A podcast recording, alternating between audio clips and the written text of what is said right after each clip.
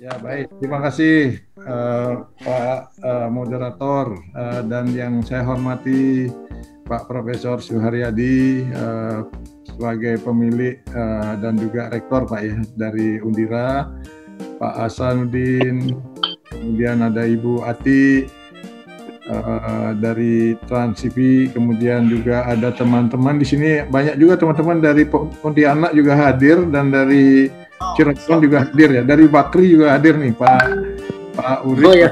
Ibu. uh, terima kasih. Ibu-ibu semua. Bapak-bapak uh, sekalian. Ya, hadirin dan adik-adik mahasiswa yang kami cintai. Assalamualaikum warahmatullahi wabarakatuh. Waalaikumsalam warahmatullahi wabarakatuh. Salam sejahtera dan bahagia untuk kita semua dan Om Swastiastu, Om Namo Buddhaya. Jadi pada kesempatan ini terima kasih Pak, puji syukur, Alhamdulillah kita panjatkan kehadirat Tuhan Yang Maha Esa. Saya bisa pagi-pagi memberikan uh, ikut share ya mengenai pengalaman dan juga kebutuhan bagaimana pengembangan uh, dunia bisnis, dunia industri ke depan. Jadi terima kasih tadi sudah diperkenalkan oleh Pak Prof. Suharyadi, Pak Sanudin bahwa uh, memang uh, saya salah satu Uh, kalau dilihat dari adik-adik yang muda-muda ini ada wajahnya ini cerah-cerah semua nih saya lihat di sini. Ini wajah masa depan Indonesia dari Undira nih Pak. amin. amin amin.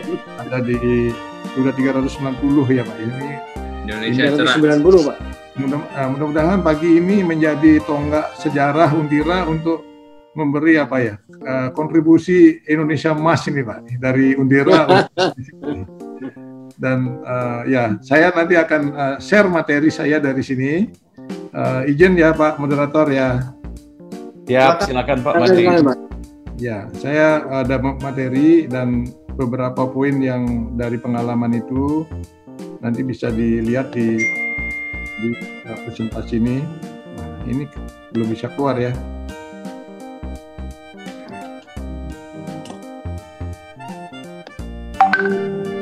Uh, minta tolong dari host bisa di ini nggak diizinkan saya ikut uh, men-share materi dari tempat saya. Bisa dibuka. Uh, Buyu, Buyu, Pak Agus. Pak Agus. Ya, sudah sudah dibuka. Sudah dibuka. Coba coba, belum tam belum tampil. Ah ya, sekarang udah Pak.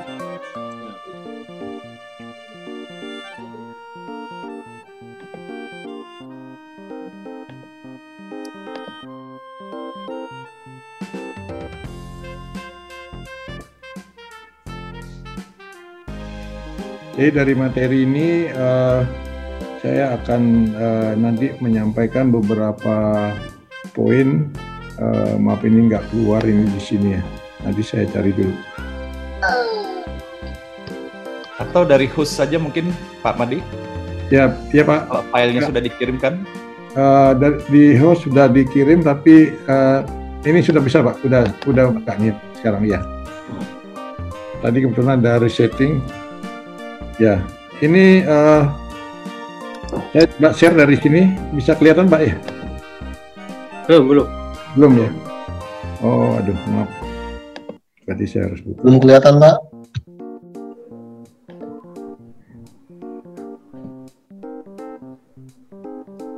Coba Pak Agus saja dibantu Pak Agus. Ya, sedang, sedang diupayakan sama Pak Agus. Iya. Ya sambil menunggu Pak Made bisa cerita dulu. Saya coba cerita. Uh, tadi ini uh, ada agak ada trouble ya. Dari Pak Agus bisa ya Pak? Oke. Okay. Oh, udah ada bisa, udah bisa Pak sekarang ya.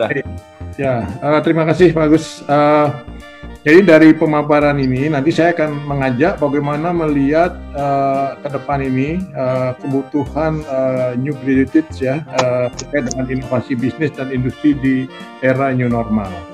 Jadi di dalam uh, presentasi ini secara singkat saya akan cepat-cepat saja bisa dilihat ke berikutnya uh, berapa poin dari uh, Pak Agus minta tolong uh, di, bisa dipindahkan ke slide berikutnya. Delay Pak. Delay Pak, sudah dipindahkan tapi delay. Oh delay, oke. Okay. Delaynya lama benar. nah, ini, jadi gini, uh, sebenarnya kita punya pertanyaan besar ya untuk uh, kita sendiri sebagai bangsa Indonesia. Sebelum saya bicara detail teknis, uh, ya katakan sekarang wabah COVID ini kan sudah terjadi. Dan juga uh, wabah COVID yang terjadi ini sudah uh, berlangsung hampir uh, tiga bulanan atau empat bulanan, walaupun uh, di China sendiri ya kalau kita uh, lihat ini nama, makanya namanya COVID-19 itu sudah sejak tahun 2019. Namun demikian kita juga secara bangsa ataupun juga secara masyarakat tidak tahu ya kapan akan berakhirnya. Namun yang bisa kita lakukan adalah mengikuti protokol kesehatan, mengikuti semua kegiatan-kegiatan yang ada, dan juga memikirkan bagaimana bisnis ataupun industri ini supaya juga bisa jalan. Sehingga masyarakat Indonesia tidak banyak uh, mengalami uh, PHK yang sudah di, disampaikan oleh Pak Menko Ekonomi dalam beberapa uh, meeting yang uh, pertemuan yang lalu. Nah, sehingga yang kita bisa lakukan sekarang berdoa semoga ini cepat ya cepat segera berlalu dan uh, bangsa Indonesia, rakyat Indonesia, adik-adik mahasiswa dan semua stakeholder uh, di Udira bisa bangkit untuk menghadapi uh, masa depan atau uh, era new normal nanti. Nah, dalam paparan ini saya akan nanti sampaikan dua poin. Bagaimana kaitannya dengan inovasi teknologi, industri 4.0 dan termasuk tadi kondisinya dan juga bagaimana uh, kebutuhan untuk new graded dan uh, di masa uh, new uh, normal ini. Ya ini yang nanti akan uh, saya paparkan. Bisa lihat uh, berikut. Uh, di sini ada sebuah pertanyaan besar yang memang yang uh, kita uh, belum bisa jawab sampai saat ini ya. Kenapa bangsa Indonesia yang mempunyai sumber daya alam yang melimpah ya banyak tapi belum bisa menjadi negara industri yang maju seperti Jepang, seperti belakangan ini uh, Korea dan China kemudian di tentunya Eropa, Amerika gitu ya. Nah itu, padahal kita punya sumber daya alam yang besar, yang banyak. Dan juga uh, sebuah pertanyaan juga, kalau nanti kita arahnya ke bisnis dan industri, kenapa ada perusahaan yang sudah berdiri uh, 50 tahun, 80 tahun, lebih dari 100 tahun, perusahaan itu uh, bisa uh, menjadi perusahaan yang uh, ternama dan juga menghasilkan profit uh, di setiap tahunnya, dan uh, ini berkesinambungan uh, terjadi sampai uh, hidup lebih dari 100 tahun. Nah, kenapa ada perusahaan seperti itu? Nah, ini saya mau angkat dulu untuk memberi uh, pema pemahaman bahwa tadi Pak Pak Rektor sudah menyampaikan bahwa nanti ini bisa jadi profesional dan bisa juga jadi uh, wirausaha sebagai pemilik perusahaan. Jadi kalau boleh dikatakan uh, rakyat Indonesia atau uh, adik-adik mahasiswa inilah sebagai pemilik ya pemilik usaha yang ada di kita harapkan begitu. Ini ada ini makan pada aku mana punya. Nah ini ada ada musiknya masuk. Aku banyak menganja. Baik uh, dari dari pertanyaan ini saya kira nggak usah dijawab dulu. Uh, kalau dijawab selesai saya udah bicara ya. Nanti adik-adik uh, sudah nggak usah dengar.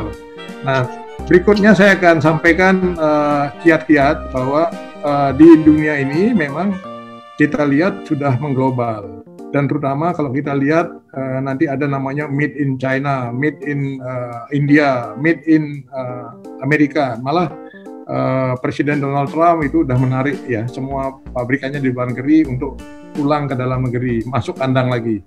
Nah, sehingga ini menjadi sebuah uh, pelajaran termasuk dengan wabah yang uh, melanda dunia pandemi uh, COVID ini ini yang kemudian menjadi uh, meluluh lantakkan situasi uh, bisnis dan industri itu. Nah sehingga dengan kita lihat coba uh, berikutnya slide langsung aja ya saya uh, langsung aja diklik uh, cepat uh, supaya uh, uh, Mas Agus bisa lanjut.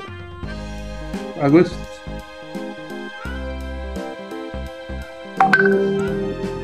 Mas Agus ada yang jaga ya terus. Nah. Oke, okay, nah ini uh, ya ini langsung aja uh, saya tidak bicara data ini. Saya kira uh, hari ini kita topiknya bagaimana mengajak uh, mahasiswa atau juga generasi muda emas Indonesia ini supaya bisa ikut uh, berkontribusi membangun bisnis dan industri Indonesia. Lanjut ya. Bagus. Terus lanjut lanjut. Nah, dari sini memang uh, tadi uh, pertanyaan saya itu uh, apa yang uh, membuat perusahaan itu berlangsung berjalan sampai ratusan tahun, uh, puluhan tahun dan juga tidak pernah rugi dan juga bagaimana negara itu menjadikan uh, basis sebagai negara industri dan negara maju ya itu. Nah kalau kita lihat dari dampak uh, COVID ini itu akan bisa kita lihat bahwa uh, perlunya adanya research and development. Jadi punya adanya pengembangan teknologi gitu ya. Sementara ini kalau kita lihat di Indonesia tantangan yang sangat besar itu menurut undang-undang APBN yang kemarin sudah disahkan itu sudah dipotong 9,7 triliun anggaran R&D gitu ya. Ini tantangan besar nih bagi bagi kita di Indonesia. Kita ini masuk akan masuk ke sektor swasta atau juga uh, ke sektor partnership dengan uh, luar negeri dengan asing.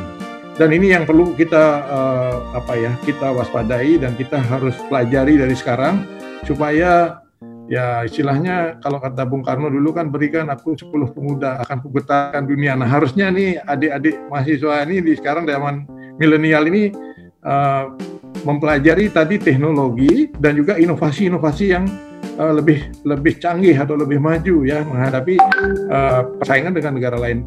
Termasuk yang kedua yang menjadi concern kita impact daripada wabah ini adalah pengembangan e-commerce atau online bisnis, online system gitu ya. Jadi apalagi sekarang bagi dunia kerja ini banyak dirumahkan, stay at home. Itu udah uh, mereka uh, remote working. Kemudian ada remote business. Nah ini ini yang menjadi tantangan ke depan. Dan uh, juga uh, yang lain adalah inovasi tadi, inovasi teknologi, diversifikasi produk. Jadi bagi adik-adik yang nanti meng, uh, mengikuti uh, apakah itu ekonomi, apakah itu teknik, dan juga yang lainnya ya tentunya hukum gitu ya itu harus mengalir darahnya itu bagaimana membuat inovasi yang uh, tertinggi terbaik untuk negeri dalam teknologi dalam proses uh, produk dan service pelayanan yang diberikan termasuk nanti akan disampaikan juga oleh uh, Ibu Atik ya dari uh, industri jasa. Kemudian uh, yang tidak kalah pentingnya tantangannya adalah modal. Bagaimana kita bisa mendapat modal dalam negeri modal dari luar negeri ya. Ini sangat penting sekali. Jadi uh, lima hal ini yang uh, menggerakkan sekarang ini dunia usaha, dunia bisnis digital mengalami uh, uh, keguncangan lah ya, keguncangan. Jadi banyak bisnis kita ya stop. Uh, jadi menurut uh, majalah Fortune uh, pernah dengar ya pernah baca uh, Fortune uh, 500 itu banyak uh, menghasilkan uh, uh, di kala krisis itu banyak menghasilkan perusahaan-perusahaan yang hebat gitu ya. Namun demikian di kala krisis wabah seperti ini pun banyak perusahaan hebat akan turun akan drop gitu. Nah ini yang menjadi menjadi kita. Pak barangkali dari host bisa di mute nggak ya yang uh, tidak bicara supaya tidak kedengaran musik-musik ya, lain yang mungkin sudah di mute uh, Pak Made tapi delay memang prosesnya. Oke, okay. baik. Bisa lanjut ke berikut? Silakan Pak.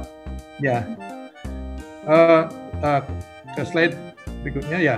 Dan sampai saat ini berbicara dengan uh, industri tadi bisnis itu ada memang uh, industri atau bisnis the loser and the winners. Jadi ada yang memang uh, akan seperti di saya sampaikan tadi di majalah Fortune 500 itu ada beberapa perusahaan yang ambruk, dia drop, kemudian ada perusahaan yang memang uh, remain atau uh, dia sustain. Nah ini yang menjadi uh, beberapa di antaranya adalah perusahaan-perusahaan seperti ya medical care, uh, healthcare gitu ya, termasuk juga yang uh, bersifat uh, online Nah, kalau seperti yang saya uh, ikuti uh, selama bertahun-tahun dalam industri otomotif, nah ini terpukul berat. Pasarnya turun 50% gitu ya. Ini yang menjadi sebuah uh, gambaran kita uh, bahwa bisnis industri tadi sekarang berada di dalam era disrupsi dan juga hyper kompetitif. Jadi persa uh, dalam situasi krisis ini pun terjadi persaingan yang berdarah-darah juga dan juga terjadi disrupsi bisnisnya. Oleh karena itu uh, tadi yang uh, menjadi pertanyaan di depan tadi uh, apa yang paling utama menentukan kesuksesan dari sebuah bisnis atau sebuah industri atau sebuah negara, yaitu people-nya, ya people.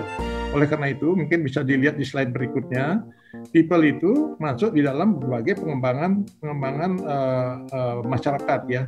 Apakah itu uh, saya sebut di sini dalam uh, people itu ada perspektif values, sistem dan leadership. Jadi ada ada nilai-nilai yang harus dibangun oleh orang itu oleh uh, dan terutama perubahan mindset dan paradigma. Hampir 75 tahun kita merdeka, tapi uh, mindset dan paradigma kita itu tidak menjadikan Indonesia negara negara industri ya di mana kita ketahui negara yang maju yang bisa mensejahterakan rakyatnya karena dibangun industri. Bukan hanya industri manufaktur tapi juga industri jasa. Dan ini harus menjadi suatu yang terpadu. Dan uh, inilah mindset yang harus kita bangun di dalam values tadi, di dalam nilai-nilai karakter kepribadian kehidupan. Jadi sumber daya manusia kita itu uh, untuk membuat uh, sumber daya manusia yang unggul itu kan harus satu mempunyai kecerdasan, kecerdasan IQ, EQ, SQ gitu kan.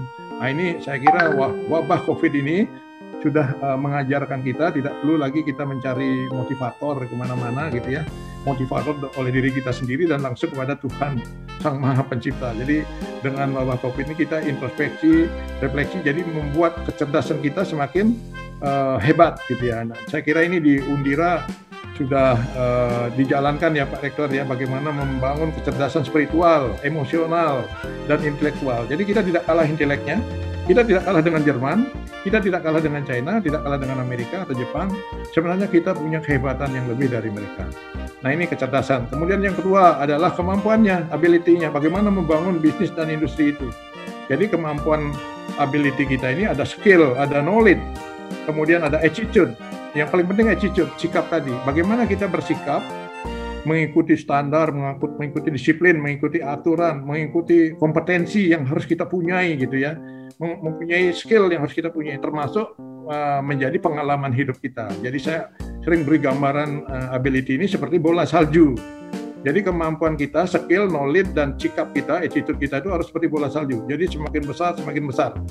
Dari bola bekel, dari bola basket atau bola voli menjadi besar mobil, sebesar mobil sebesar rumah, sebesar rumah nanti menjadi bukit, bukit jadi gunung. Nah, akhirnya menjadi bola salju. Nah ini yang kita harapkan tadi dalam kemampuan, skill, kompetensi, ability, dan motivasi. Motivasinya harus benar-benar uh, ya anak-anak muda sekarang motivasinya apa ya?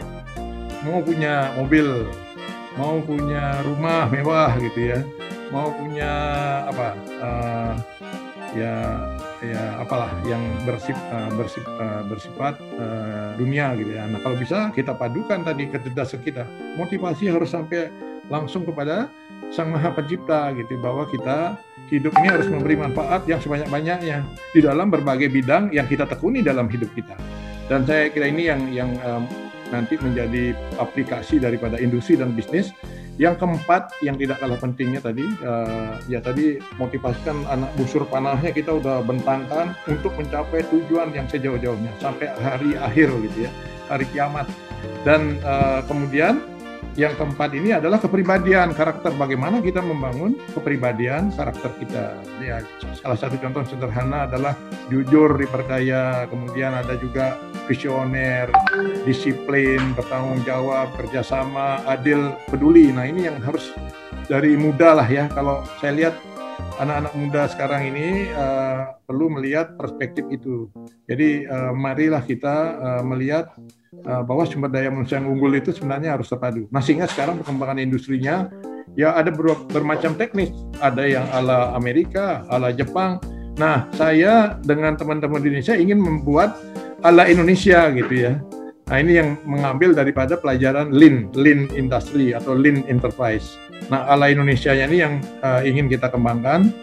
Bisa lanjut ya uh, ke uh, slide berikut. Sehingga di dalam uh, tadi membangun nilai-nilai uh, tadi benar-benar uh, secara ala Indonesia-nya itu nilai-nilai yang sudah ada di Indonesia ya gotong royong, sopan santun, ramah tamah, integritas gitu ya. Nah ini yang menjadi uh, tantangan kita yang terbesar. Jadi sejak muda ini dalam sejak uh, dengan lingkungan apa yang ada ya kita menghadap mempunyai tantangan besar untuk menerapkan itu. Termasuk membangun sistem tadi, sistem industri. Jadi kita tidak hanya bermental sebagai user atau sebagai pemakai, tapi mental kita, paradigma kita harus dirubah. Bukan hanya pemakai atau bukan hanya penjual, tapi bagaimana pembuat. Tadi uh, kebetulan uh, saya sudah sampaikan di depan, uh, kita punya gerakan namanya uh, bagaimana membuat uh, anak negeri Indonesia menjadi tuan rumah di negerinya atau menjadi tadi disebut oleh Pak Rektor pemilik usaha yang ada di Indonesia. Jadi jangan impor-impor terus gitu ya. Uh, sumber daya alam melimpah ruah. Oleh karena itu kuasai teknologi, bangun inovasi, spirit inovasi, dan lakukan plan, do, check, action. Jadi uh, lengkap ya, direncanakan, dikerjakan, kemudian uh, dicek, evaluasi, dan next actionnya diperbaiki, ditingkatkan lagi. Jangan tarik poco-poco, maju mundur, kiri kanan, maju depan gitu. Kalau bisa tarinya tari yang benar-benar PDCA. Nah ini menjadi tantangan bagi anak-anak muda, bagi generasi kita sekarang untuk membangun sebuah sistem yang berkelanjutan. Jadi uh, sistem ini nanti kalau bisa kita menjadi pusat epicentrum gerakan industri atau bisnis dunia dengan sumber daya alam yang ada di Indonesia sehingga Indonesia bisa menjadi cahaya dunia, bisa menjadi cahaya uh, daripada uh, kehidupan masyarakat di dunia. Apalagi Indonesia terkenal dengan negara uh, Muslim gitu ya, dengan penduduk uh, hampir 90 juta dan juga dengan uh, tentunya punya Pancasila dengan agama yang lain ini sangat uh, punya nilai tinggi dan bisa membangun sistem yang terpadu dengan undang-undang maupun juga undang-undang dasar, undang-undang dan peraturan pemerintah sampai menteri dan juga akhir menjadi kehidupan uh, norma-norma kehidupan kita. Nah, oleh karena itu juga yang tidak kalah pentingnya adalah membangun leadership. Dan ini sudah dicontohkan sejak zaman peradaban abad ke-7 ketika pembangunan Medina gitu ya. Kalau kita lihat dari uh, pengalaman uh, kita dari uh, zaman uh, kenabian uh, Nabi Muhammad kemudian sampai berlanjut uh, muncul adanya kerajaan-kerajaan dan sampai sekarang ini memang dibutuhkan memang leader. Jadi anak-anak muda tadi saya lihat wajahnya cerah semua. Ini calon pemimpin masa depan Indonesia. Mudah-mudahan 10 tahun lagi atau lima tahun ya sudah ada yang sekarang zamannya era, era milenial. Lima tahun lagi ketemu, oh Pak saya sudah punya bisnis yang ini, saya sudah punya industri yang ini, saya sudah menjalankan ini. Nah ini luar biasa dan uh, inilah yang diharapkan bagi bangsa Indonesia bagaimana kita membangun uh, secara terpadu. Dari values-nya, sistemnya dan leadership-nya. Bisa dilanjutkan? Uh, dan uh, di Indonesia uh, sejak tahun 2018 sudah dicanangkan lima prioritas industri unggulan ya yang bisa kita geluti. Uh, dari makanan minuman atau industri agro, kemudian industri tekstil, busana, kemudian ada industri otomotif, uh, kendaraan roda dua, roda empat, truk, bus, sampai kereta api, kapal laut, pesawat terbang, drone gitu ya bisa masuk dalam kategori itu. Elektronik, uh, eh, HP, termasuk HP kita saya nggak tahu nih uh, kita concern nggak bawa casingnya aja sekarang kita masih impor dari dari China ya casing HP. Nah bisa nggak nanti kita industri elektronik ini juga harus kita kuasai. Belum lagi masuk industri 4.0 ada robot, ada 3D printing, kemudian ada lagi uh, IoT, Internet of Things, Big Data, uh, Artificial Intelligence, ah itu uh, harus kita kuasai berbasis elektronika, berbasis elektronik. Dan juga ada industri kimia, nanti masuk juga uh, obat-obatan, synthetic rubber, dan juga uh, industri kimia, uh, etanol, metanol, dan lain-lainnya. Nah ini uh, kita bisa kembangkan dari hulu ke hilir semua ini. Jadi ketika tahun 2005 saya di uh, tahun 2010 saya di Bangkok gitu ya sebagai pusat uh, regional sebuah perusahaan Toyota Asia Pasifik membawahi 13 negara. Ketika saya berada di sana itu sejak tahun 2005 2004 gitu Taksin Sinawatra sebagai perdana menteri di sana sudah mencanangkan bahwa Thailand itu menjadi pusat dapur dunia. Jadi pusat dapur dunia. Jadi semua makanan enak ada di, di sana. Dan sebagai pusat pariwisata dunia, semua turis sampai pariwisata halal ada di sana dan juga pusat uh, industri kendaraan otomotif Detroitnya ASEAN. Jadi sudah dicanangkan. Nah, sehingga sekarang sejak tahun 2018 eh, kita sudah punya lima ini. Mestinya ini yang menjadi kawah atau menjadi kancah pergerakan anak-anak muda nanti ke depan uh, tidak hanya tergantung dari impor gitu ya, tapi uh, semua sudah dibuat made in Indonesia. Jadi bukan made Indonesia, tapi made in Indonesia. Saya kira ini yang yang menjadi sebuah tadi aliran dari uh, nilai sistem dan uh, leadership tadi dalam membangun industri Indonesia. Lanjut uh, berikutnya ini uh, oleh karena itu perlu penguasaan uh, teknologi, perlu adanya melihat uh, tren adaptasi ke depan ke era new normal. Saya diskusi dengan beberapa teman-teman CEO di Jakarta, uh, ada mempertanyakan nanti setelah uh, new normal ini produk apa yang laku? Apakah sama dengan produk yang dibuat sekarang 100% sebelum uh, wabah COVID? Uh, ataukah berubah 50% uh, remain bersisa yang lama? Ataukah juga uh, nanti berubah 100%? Jadi kalau sampai berubah 100%, jadi uh, 100% product change produk uh, harus dikembangkan ya. Jadi shifting the company. Jadi perusahaan uh, katakan sekarang membuat komponen otomotif nanti bisa membuat komponen alat-alat kesehatan gitu ya misalnya. Nah ini ini menjadi uh, perbincangan dan kita harus mengenal suara customer. Sementara customer kita daya belinya kurang ya. Mungkin yang sekarang yang cocok adalah makanan minuman, agro, kemudian pengolahan ikan dan juga alat kesehatan. Nah, untuk mencapai itu pengembangan industri itu kita harus mampu mempunyai di, uh, diversifikasi produk dan service, termasuk juga nanti inovasi teknologi produk, service dan proses.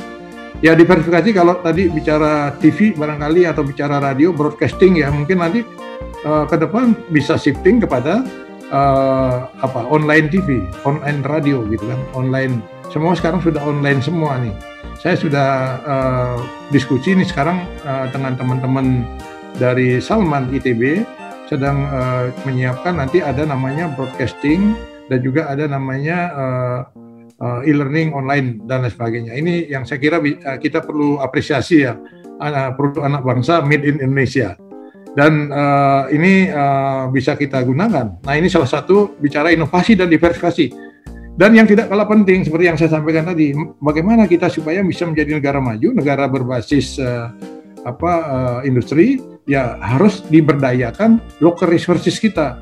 Jadi sumber daya alam, sumber daya manusia harus diberdayakan. Jadi dalam kepentingan bisnis kan hanya dua ada dua pilar ya. Pilar yang pertama adalah uh, bagaimana memperbaiki bisnis dan pilar yang kedua adalah bagaimana merespek kepada orang, sumber daya manusia. Jadi uh, dalam bahasa Jawa mungkin yang hadir sini dari berbagai pulau ya dalam bahasa Jawa itu ada istilahnya ngewongke gitu. Bagaimana memuliakan manusia.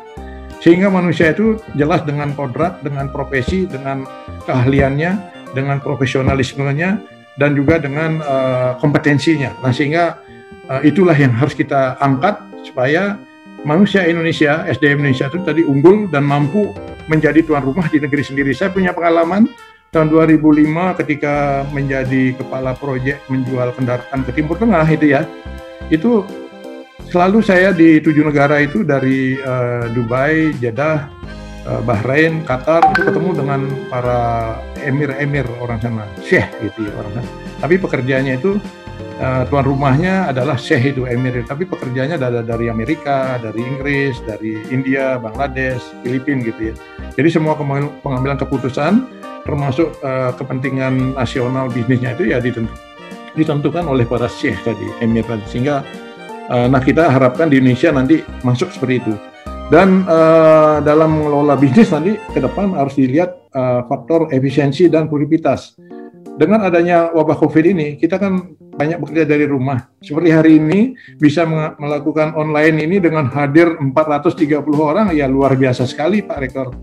Pak Hasan ya Pak Wakil dan uh, ini suatu uh, kabar gembira bahwa nanti ke depan uh, dunia edukasi pendidikan tidak hanya lagi kita lakukan dengan uh, tatap muka bisa aja dengan proses e-learning. Jadi tetap ada tatap mukanya. Nah oleh karena itu kita perlu membangun e-commerce. E-commerce dalam hal ini nanti ada online bisnis ada semi offline bisnis ada tatap mukanya.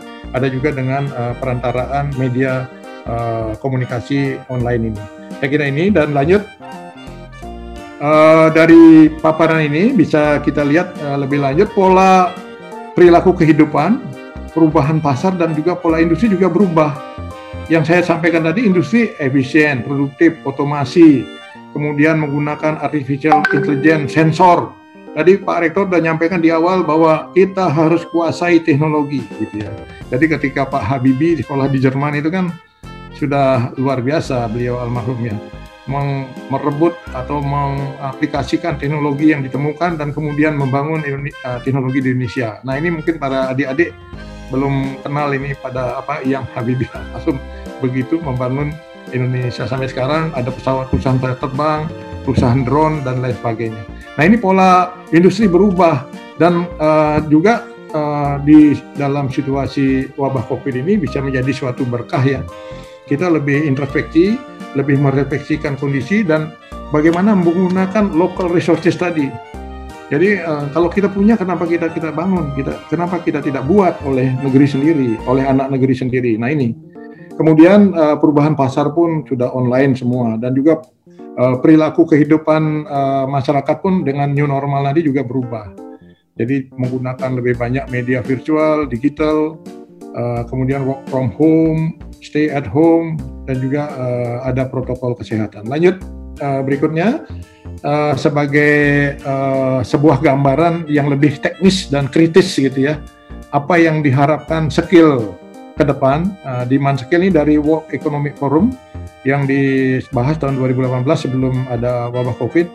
Jadi saya uh, selalu melihat bahwa uh, industri 4.0 dengan teknologinya ada ada robot, ada IoT, ada 3D printing, sensor, ya artificial intelligence ditambah dengan pandemi COVID ini, ini akan menjadi uh, sebuah tantangan baru new normal.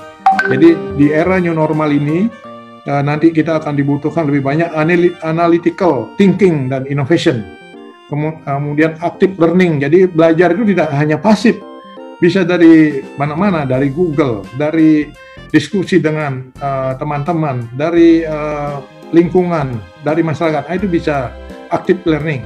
Kemudian kreatif uh, dan juga originality dan inisiatif. Inisiatif ini penting tadi uh, muncul dari kita, termasuk teknologi, kemudian critical thinking analysis, complex problem solving, emotional intelligence, leadership social influence dan uh, juga terakhir ada sistem analisis. Jadi ini yang dibutuhkan sehingga new learning nanti ke depan kita bisa lihat secara terpadu, kemudian interdisiplin, inklusif dan inovatif ya. Termasuk juga uh, kemampuan uh, tadi ya uh, ngewongke tadi orang itu dikembangkan, dimajukan, dimuliakan harus mempunyai kemampuan yang lebih tinggi di dalam hal uh, critical thinker gitu ya termasuk juga self awareness dan juga ada uh, uh, skill-skill yang lain. Bisa dilanjut? Iya, baik uh, Pak Madu, mohon maaf. Bisa dilanjut lagi satu, dua, ya. ya.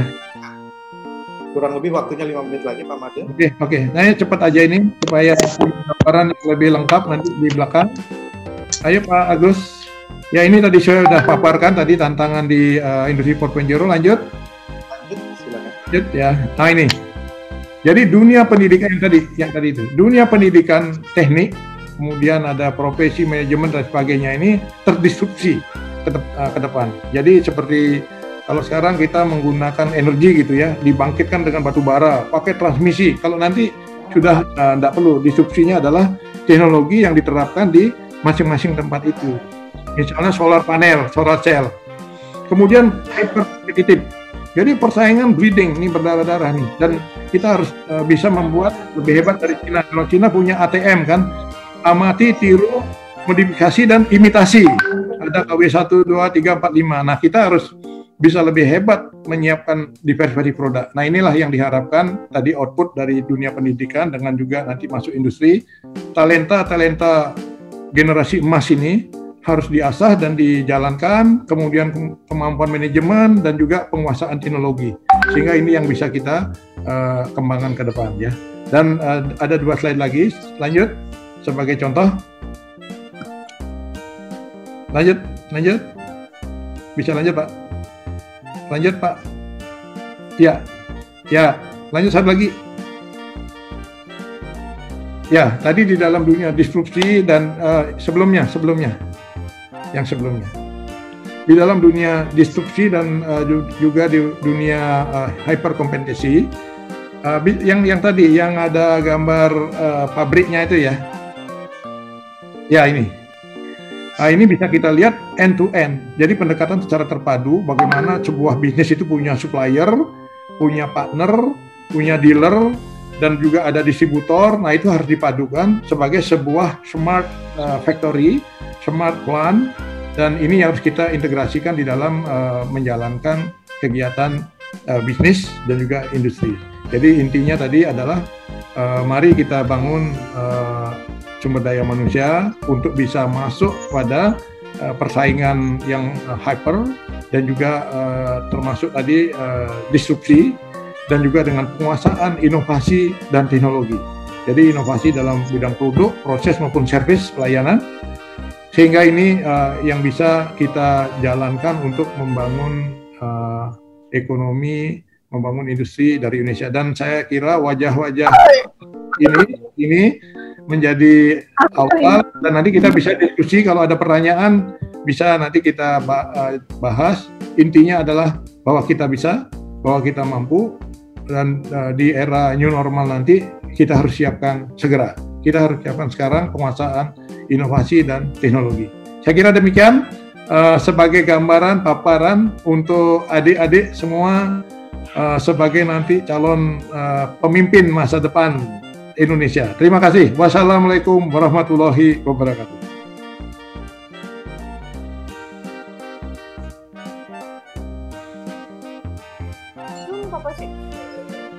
Waalaikumsalam warahmatullahi wabarakatuh. Alhamdulillah Bapak Ibu sekalian telah sama-sama kita dengarkan tadi paparan dari Bapak Adi Dana Tangkas, paparan yang luar biasa sekali, sangat komprehensif, memadukan uh, seluruh pengetahuan dan pengalaman yang telah beliau uh, tekuni selama berpuluh-puluh tahun ini. Nah, saya kira Pak Made uh, kita akan uh, memberikan kesempatan nanti uh, pada forum tanya jawabnya. Namun dalam kesempatan ini saya curi start dulu Pak Made. Uh, kiranya mungkin Pak Made bisa uh, menambahkan di dalam paparan Pak Made. Uh, sekarang ini kan dengan era entrepreneurship yang luar biasa dan kemudian era industri juga kan terus berkembang sebetulnya. Nah, bagaimana kalau Pak Made melihatnya ke depan ini? Semangat entrepreneurship ini uh, seperti di Jepang sendiri sampai sejauh mana mereka uh, mengkaderkan untuk uh, entrepreneurship ataupun mereka tetap bekerja seperti halnya di perusahaan industri otomotif yang Pak Madi sampaikan tadi. Dan kemudian kira-kira uh, ke depan ini Pak Madi uh, berbicara mengenai tiga nilai yang Pak Madi sampaikan tadi itu yaitu kecerdasan intelektual, emosional dan spiritual. Uh, tentunya dalam hal karakter karakter apa saja yang dominan yang merupakan modal sukses dari generasi muda kita ke depan Pak Madi. Silakan. Wah, terima kasih luar biasa nih Pak Hasan sudah memberi uh, tantangan pertama nih pertanyaannya. Uh, baik, jadi kalau tadi bicara entrepreneurship, memang uh, kita sadari ya sangat lemah di Indonesia uh, entrepreneurship ini dibandingkan dengan Singapura yang sudah mencapai rasio lebih di atas dua setengah sampai lima persen, kita masih satu sekian persen. Dari jadi masyarakat uh, entrepreneurship kita ini masih rendah. Jadi dari yang hadir di sini 439 mungkin 200 orang nanti atau 300 orang bisa jadi entrepreneur semua ini. Diminta mendaftar aja Pak Hasan. Kebetulan kita nanti mau uh, mengembangkan ada inkubator bisnis, kemudian ada startup startup gitu ya yang uh, bisa diintegrasikan, bisa dikerjasamakan dengan mereka sehingga bisa nanti menjadi proyek-proyek nasional. Jadi kalau tadi disampaikan Pak Hasan di Jepang bagaimana, di Singapura bagaimana, di China bagaimana, ya mereka sangat mendukung sekali gitu kan. Walaupun katakan China perusahaan uh, apa perusahaan apa, negara yang uh, komunis, kalian di sana sudah menganut juga unsur-unsur uh, liberalisme gitu juga ada. Dan uh, salah satunya kepada pelaku-pelaku bisnis ini banyak anak-anak muda umur 35 tahun doktor lulusan dari perguruan tinggi apa Tsinghua gitu ya. Profesor itu jadi CEO jadi COO kalau di China ya. Saya uh, kebetulan sebagai pengurus juga uh, dalam uh, IRDI namanya Indonesian Research and Development International kerjasama dengan Research and Development International China. Itu ada 400 perusahaan di mana 300 perusahaan itu udah swasta gitu ya. Nah ini yang yang tentunya dikembangkan oleh anak-anak muda tadi. Kemudian kalau kita lihat juga di Jepang, apalagi di Korea gitu ya. Nah, ini uh, dengan kooperasinya kemudian banyak uh, anak muda yang membuat produk dengan nilai tambah uh, dari negeri sendiri ya. Jadi ada desainnya, ada dibuat produknya, kemudian uh, semua value added-nya, nilai tambahnya dibuat, masuk dalam demand dan supply, supply chain, akhirnya jadilah produk-produk uh, dengan katakan tadi uh, intellectual property right atau hakinya atau lisensinya dipunyai oleh negeri sendiri. Dan ini tantangan kita, kita lemah, kita tidak punya IPR, tidak punya uh, kurang lah ya, walaupun uh, tadi anggarannya sudah 39,7 triliun dipotong gitu ya. Ini kesempatan rakyat sendiri membangun gitu. Eh, anak-anak uh, muda sendiri membangun dengan dukungan dari dunia perbankan, dari uh, para senior gitu ya, dari jaringan uh, investor di Indonesia. Dan uh, di Jepang juga uh, demikian pengembangannya. Jadi saya kira uh, entrepreneurship ini sangat besar peluangnya dan uh, kemudian kalau dilihat dari syarat-syaratnya ya tentunya tadi itu kita perlu punya mental itu mental atau paradigmanya itu harus berubah. Singapura itu paradigmanya sederhana pak dari gendang gendang itu dari gendang nonton barongsai ya di Singapura. Bagaimana bunyi gendang barongsai yang kita tonton di Singapura? Bunyinya tung tung tung tung tung tung tung tung gitu. Artinya apa? Untung terus untung. terus gitu ya Pak? Delay. Halo? Ya. Halo? Pak Made?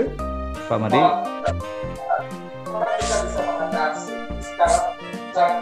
Terputus sepertinya. Uh, sementara kita menunggu Pak Madi terkoneksi lagi kepada para peserta, uh, apabila ada pertanyaan-pertanyaan ingin disampaikan kepada Pak Madi, mohon dapat dituliskan di kolom chat kita.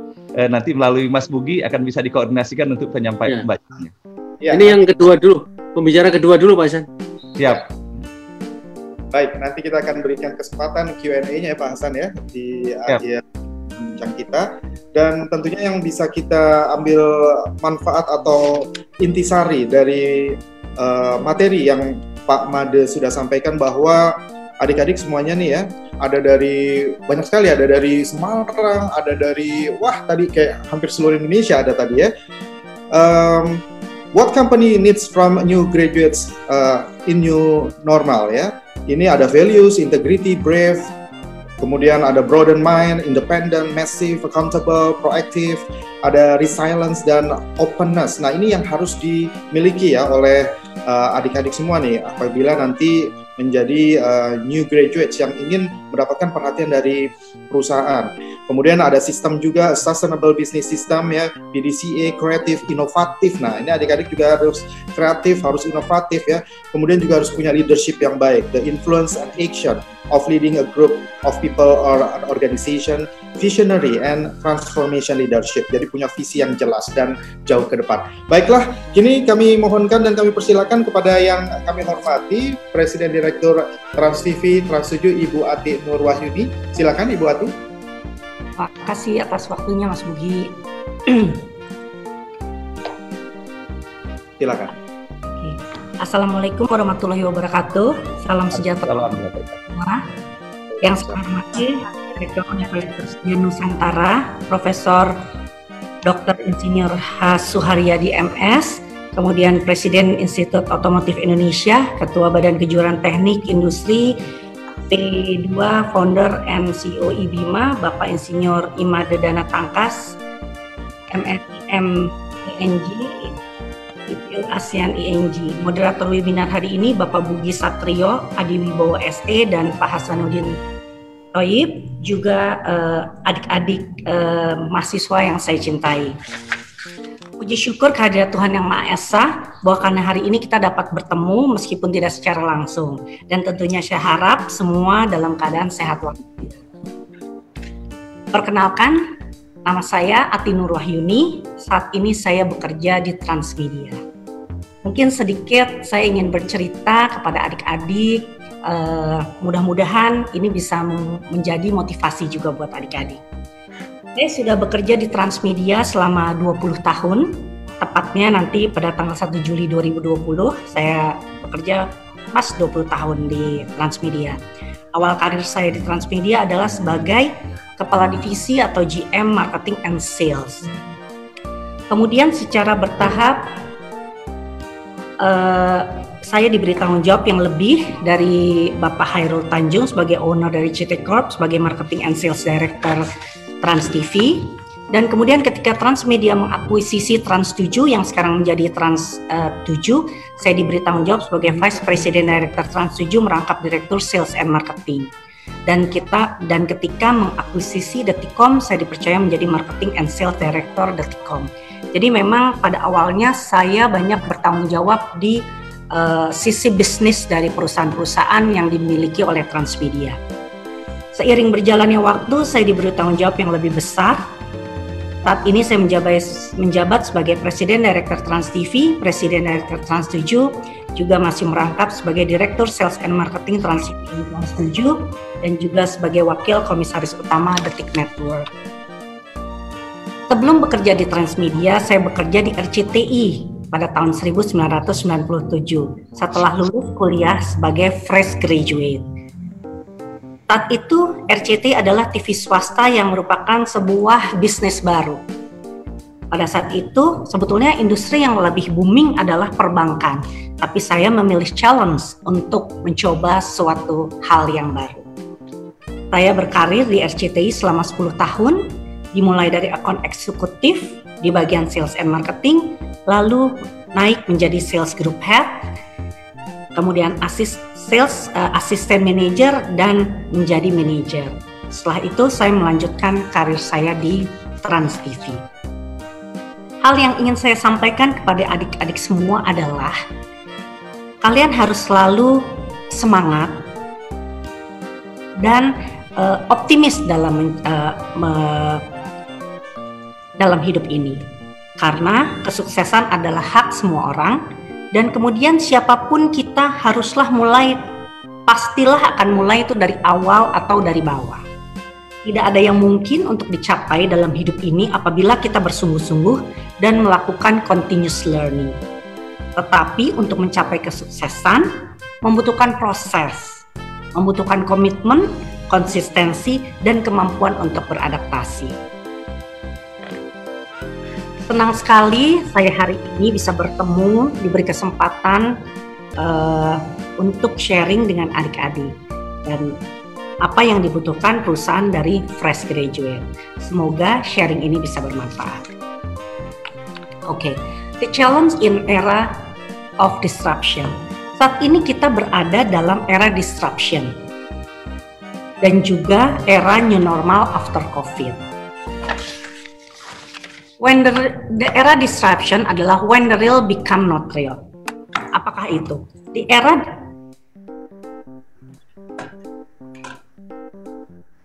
Oke. Okay. Di era disruption ini banyak orang, terutama millennials, yang melakukan komunikasi secara virtual.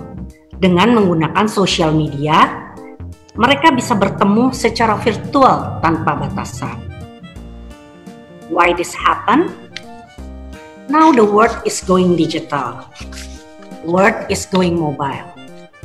Di akhir 2019, lebih dari 80 pengguna handphone terkoneksi atau menggunakan internet internet mobile.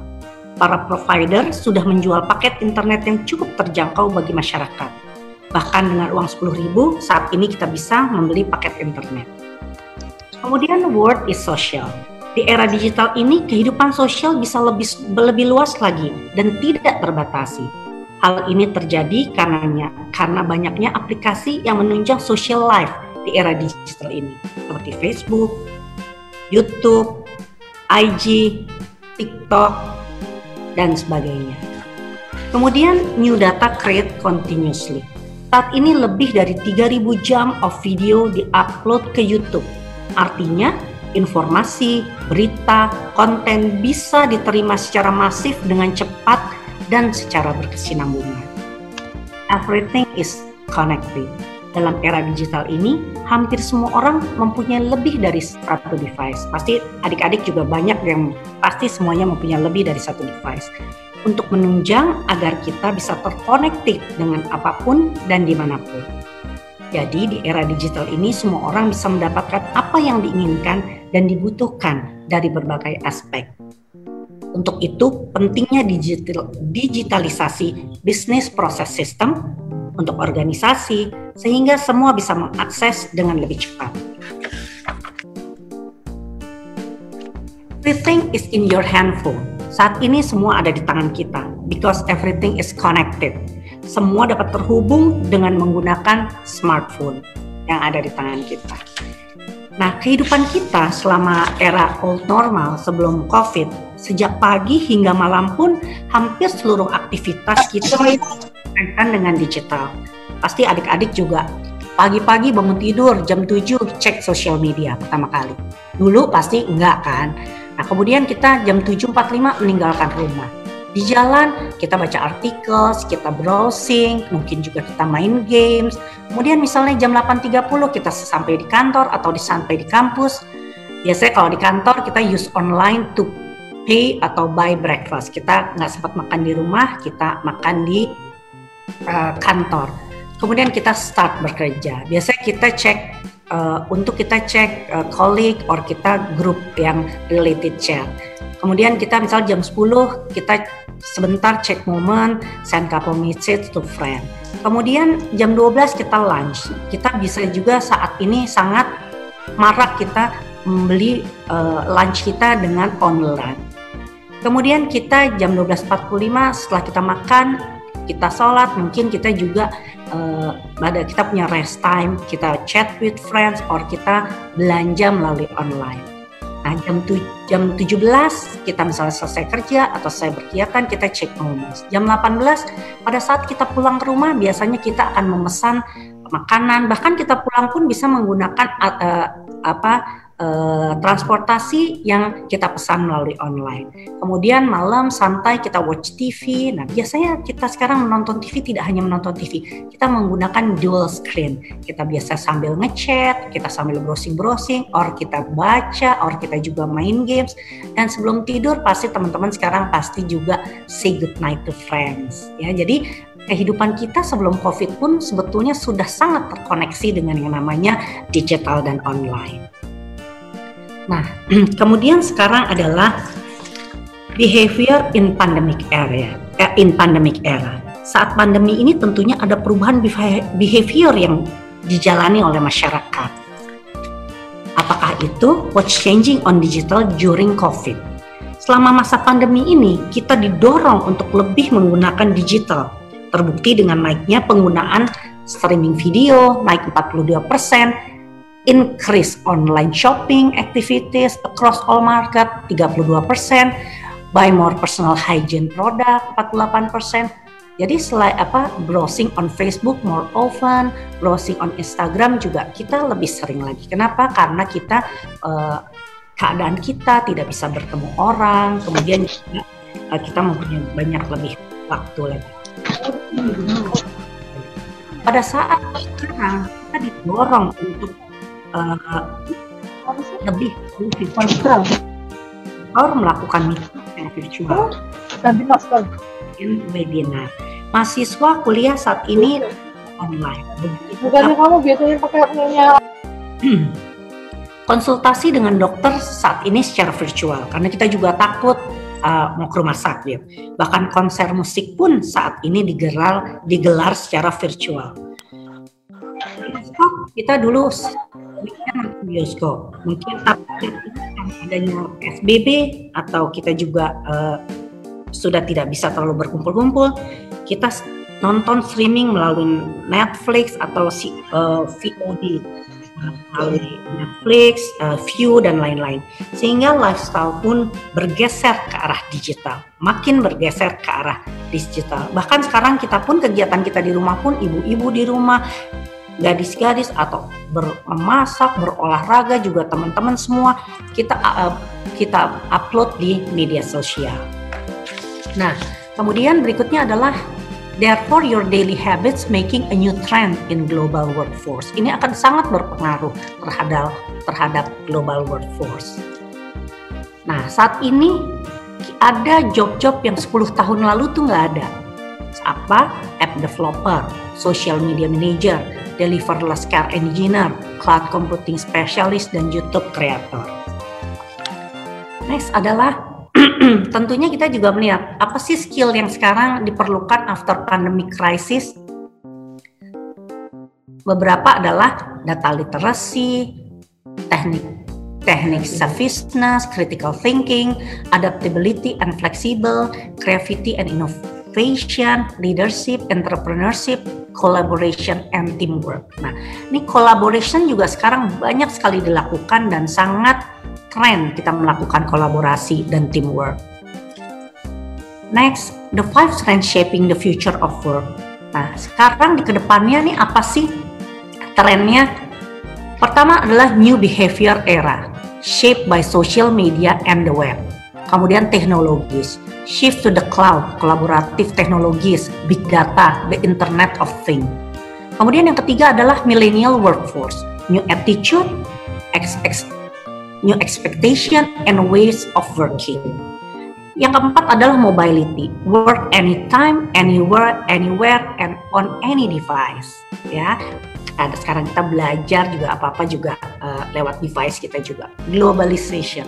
Akhirnya dengan adanya teknologi dan sebagainya ini akan membuat kita tidak mempunyai batasan lagi dalam melakukan hal apa pun di dalam kehidupan kita. Tapi ada beberapa problems since you are a fresh graduate. Apa sih problem di fresh graduate? Pertama adalah no real world experience. Fresh graduate banyak yang belum mempunyai experience sehingga sekecil apa pun experience yang kalian peroleh itu akan menjadikan valuable daripada tidak punya sama sekali. Kemudian kamu juga nggak punya uh, unsure how to negotiate salary and benefit ya kan? Appreciate diri kamu kemampuan kamu your effort and your knowledge. Don't be afraid to negotiate. Kemudian unrealistic expectation. Kadang-kadang juga don't expect more if you don't do anything sometimes too much confidence is not good jadi confidence itu kita juga harus melihat uh, kemampuan kita uh, yang ada dalam diri kita Kemudian teman-teman juga untuk orang se teman-teman yang fresh graduate, kita tuh kadang-kadang poor interview skill. Not only your degrees, your skill, your drive, but also your interview skill. This ini akan menjadi sangat penting untuk kamu sehingga kamu harus berlatih interview. Karena kalau kamu tidak bisa mempunyai kemampuan untuk interview, komunikasi, kamu tidak bisa mengebukakan siapa kamu apa kemampuan kamu dan how capable you are. Nah, kemudian adalah lack of direction. Saat ini kamu harus mencari apa sih uh, find your own path. Ya, apakah kamu akan tadi ingin mencari pekerjaan yang baik, have a, having a great job, or kamu ingin membuat sebuah bisnis? Apakah kamu menjadi entrepreneurship, entrepreneur? Apakah kamu startup atau kamu ingin bangun bisnis? atau kamu juga ingin atau kamu ingin melanjutkan studi kamu for the next level. Jadi kamu sekarang harus menentukan pilihan kamu terutama untuk teman-teman yang mungkin sudah hampir mau lulus, tentukan dan fokus untuk kejar apa yang kalian inginkan. So what should I do to win the war? Apa sih yang harus kita lakukan untuk memenangkan peperangan ini dalam kompetisi yang begitu ketat? First, you must know what the company expect from you. Apa sih yang company harapkan dari seorang fresh graduate? Academic knowledge, graduation certification, major in university, educational level, kemudian juga high GPA.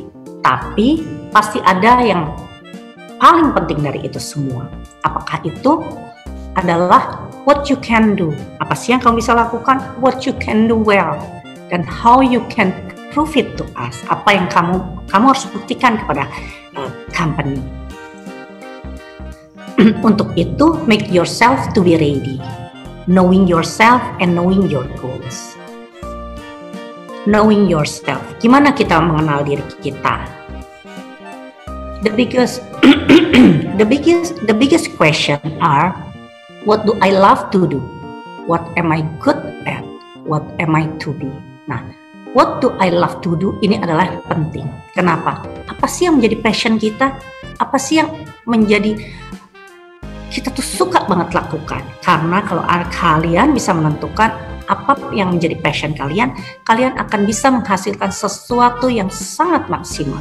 karena kamu lakukan itu dengan hati kamu, dengan seluruh jiwa raga kamu dan seluruh hati dan pikiran kamu kamu curahkan untuk melakukan itu semua. Tapi bagaimana kita bisa tahu apa sih yang kita sukain? Nah, kita mesti identifying. Pertama adalah talent. Banyak dari kita, dari pasti dari adik-adik semua yang beruntung mempunyai lebih dari satu talent. Nah, identify apa sih talent-talent saya, apa sih kemampuan apa apa yang ada itu biasanya given dari ada dalam diri kita. Kemudian kita cari tahu berikutnya. Nah, interest kita tuh di mana? Kesukaan kita dari tiga talent tadi lebih menjurus ke mana? Nah, setelah kita dapatkan itu, kita asas skill kita tadi dengan kuliah, dengan belajar, membaca, dan latihan, dan lain-lain. Nah, setelah itu dilakukan, itu akan menjadi abilities dari kita, capability dari kita. Nah, setelah itu, prepare yourself. Apa yang kita prepare? Academic skill, white knowledge, good grade, take training, seminar, take class seriously. Walaupun kita take class seriously, kita dapat good grade tapi teman-teman jangan lupa harus selalu happy dalam menjalani perkuliahan ini.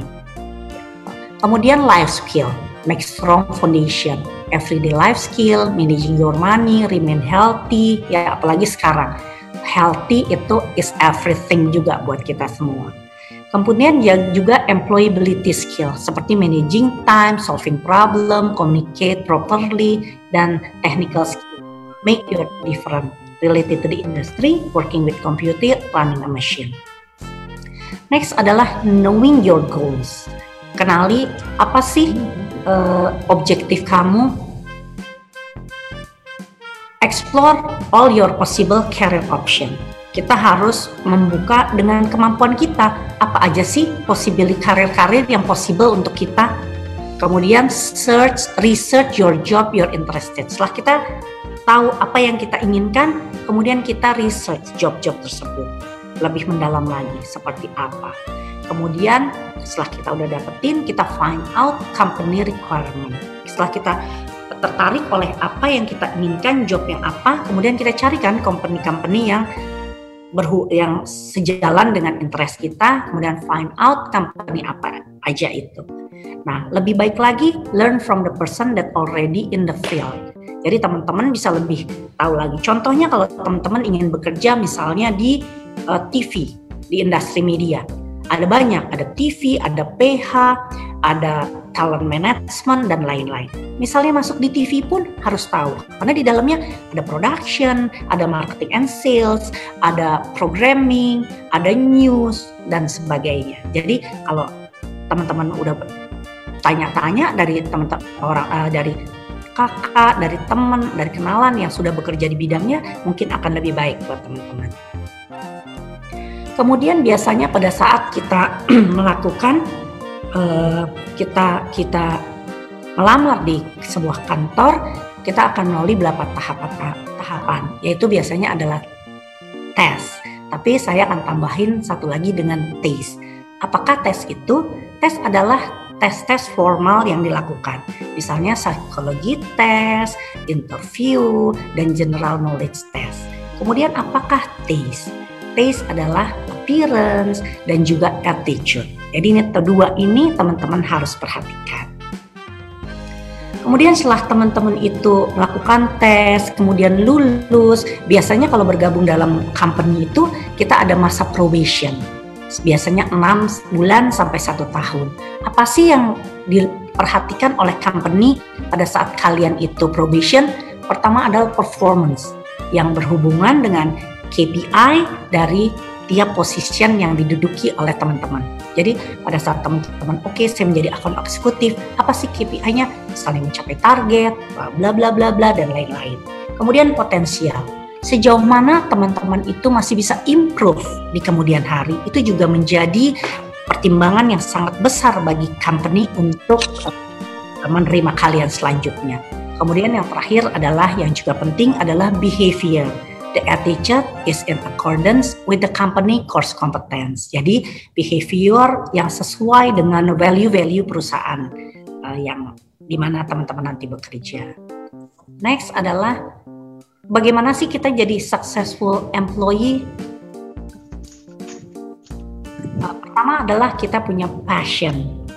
Kemudian berikutnya adalah integrity, kemudian adalah open minded, self confident, continuous learning, critical thinking, adaptable, highly motivated, agile dan juga good communication. Cuman tadi juga ada beberapa uh, tambahan juga yang harus dilakukan yaitu tadi dengan adanya tadi digitalisasi dan sebagainya kita juga harus memperkuat kemampuan kita terhadap data literacy, kemampuan membaca, mengerti dan berkomunikasi dengan data. Kemudian juga tes savviness, banyak tahu tentang teknologi, tidak gaptek ya kan? Kemudian juga pasti tadi leadership, collaboration, and teamwork itu juga uh, perlu uh, untuk teman-teman ketahui. Nah berikutnya adalah apa pun pilihan yang teman-teman pilih, baik itu teman-teman mau bekerja di kantor sebagai profesional maupun ingin membangun sebuah bisnis, ada tiga hal yang sangat penting harus dilakukan. Pertama, harus kreatif dan inovatif. Tentunya kalau kita kreatif, kita dapat memunculkan inovasi-inovasi baru. Kemudian apakah kreatif dan inovatif aja cukup? Tidak. Kita harus punya entrepreneurship, yaitu bagaimana eh, produk-produk atau jasa yang kita buat itu bisa dimonetize sehingga perusahaan kita bekerja bisa tambah besar, tambah banyak profitnya dan juga perusahaan atau teman-teman apabila mempunyai bisnis sendiri juga bisnisnya semakin berkembang dan uh, profitnya juga makin tinggi. Jadi ini yang harus teman-teman perhatikan. Next adalah jangan lupa teman-teman untuk selalu optimis dan beranilah untuk meraih keinginan dan cita-citamu. Terima kasih. Wassalamualaikum warahmatullahi wabarakatuh.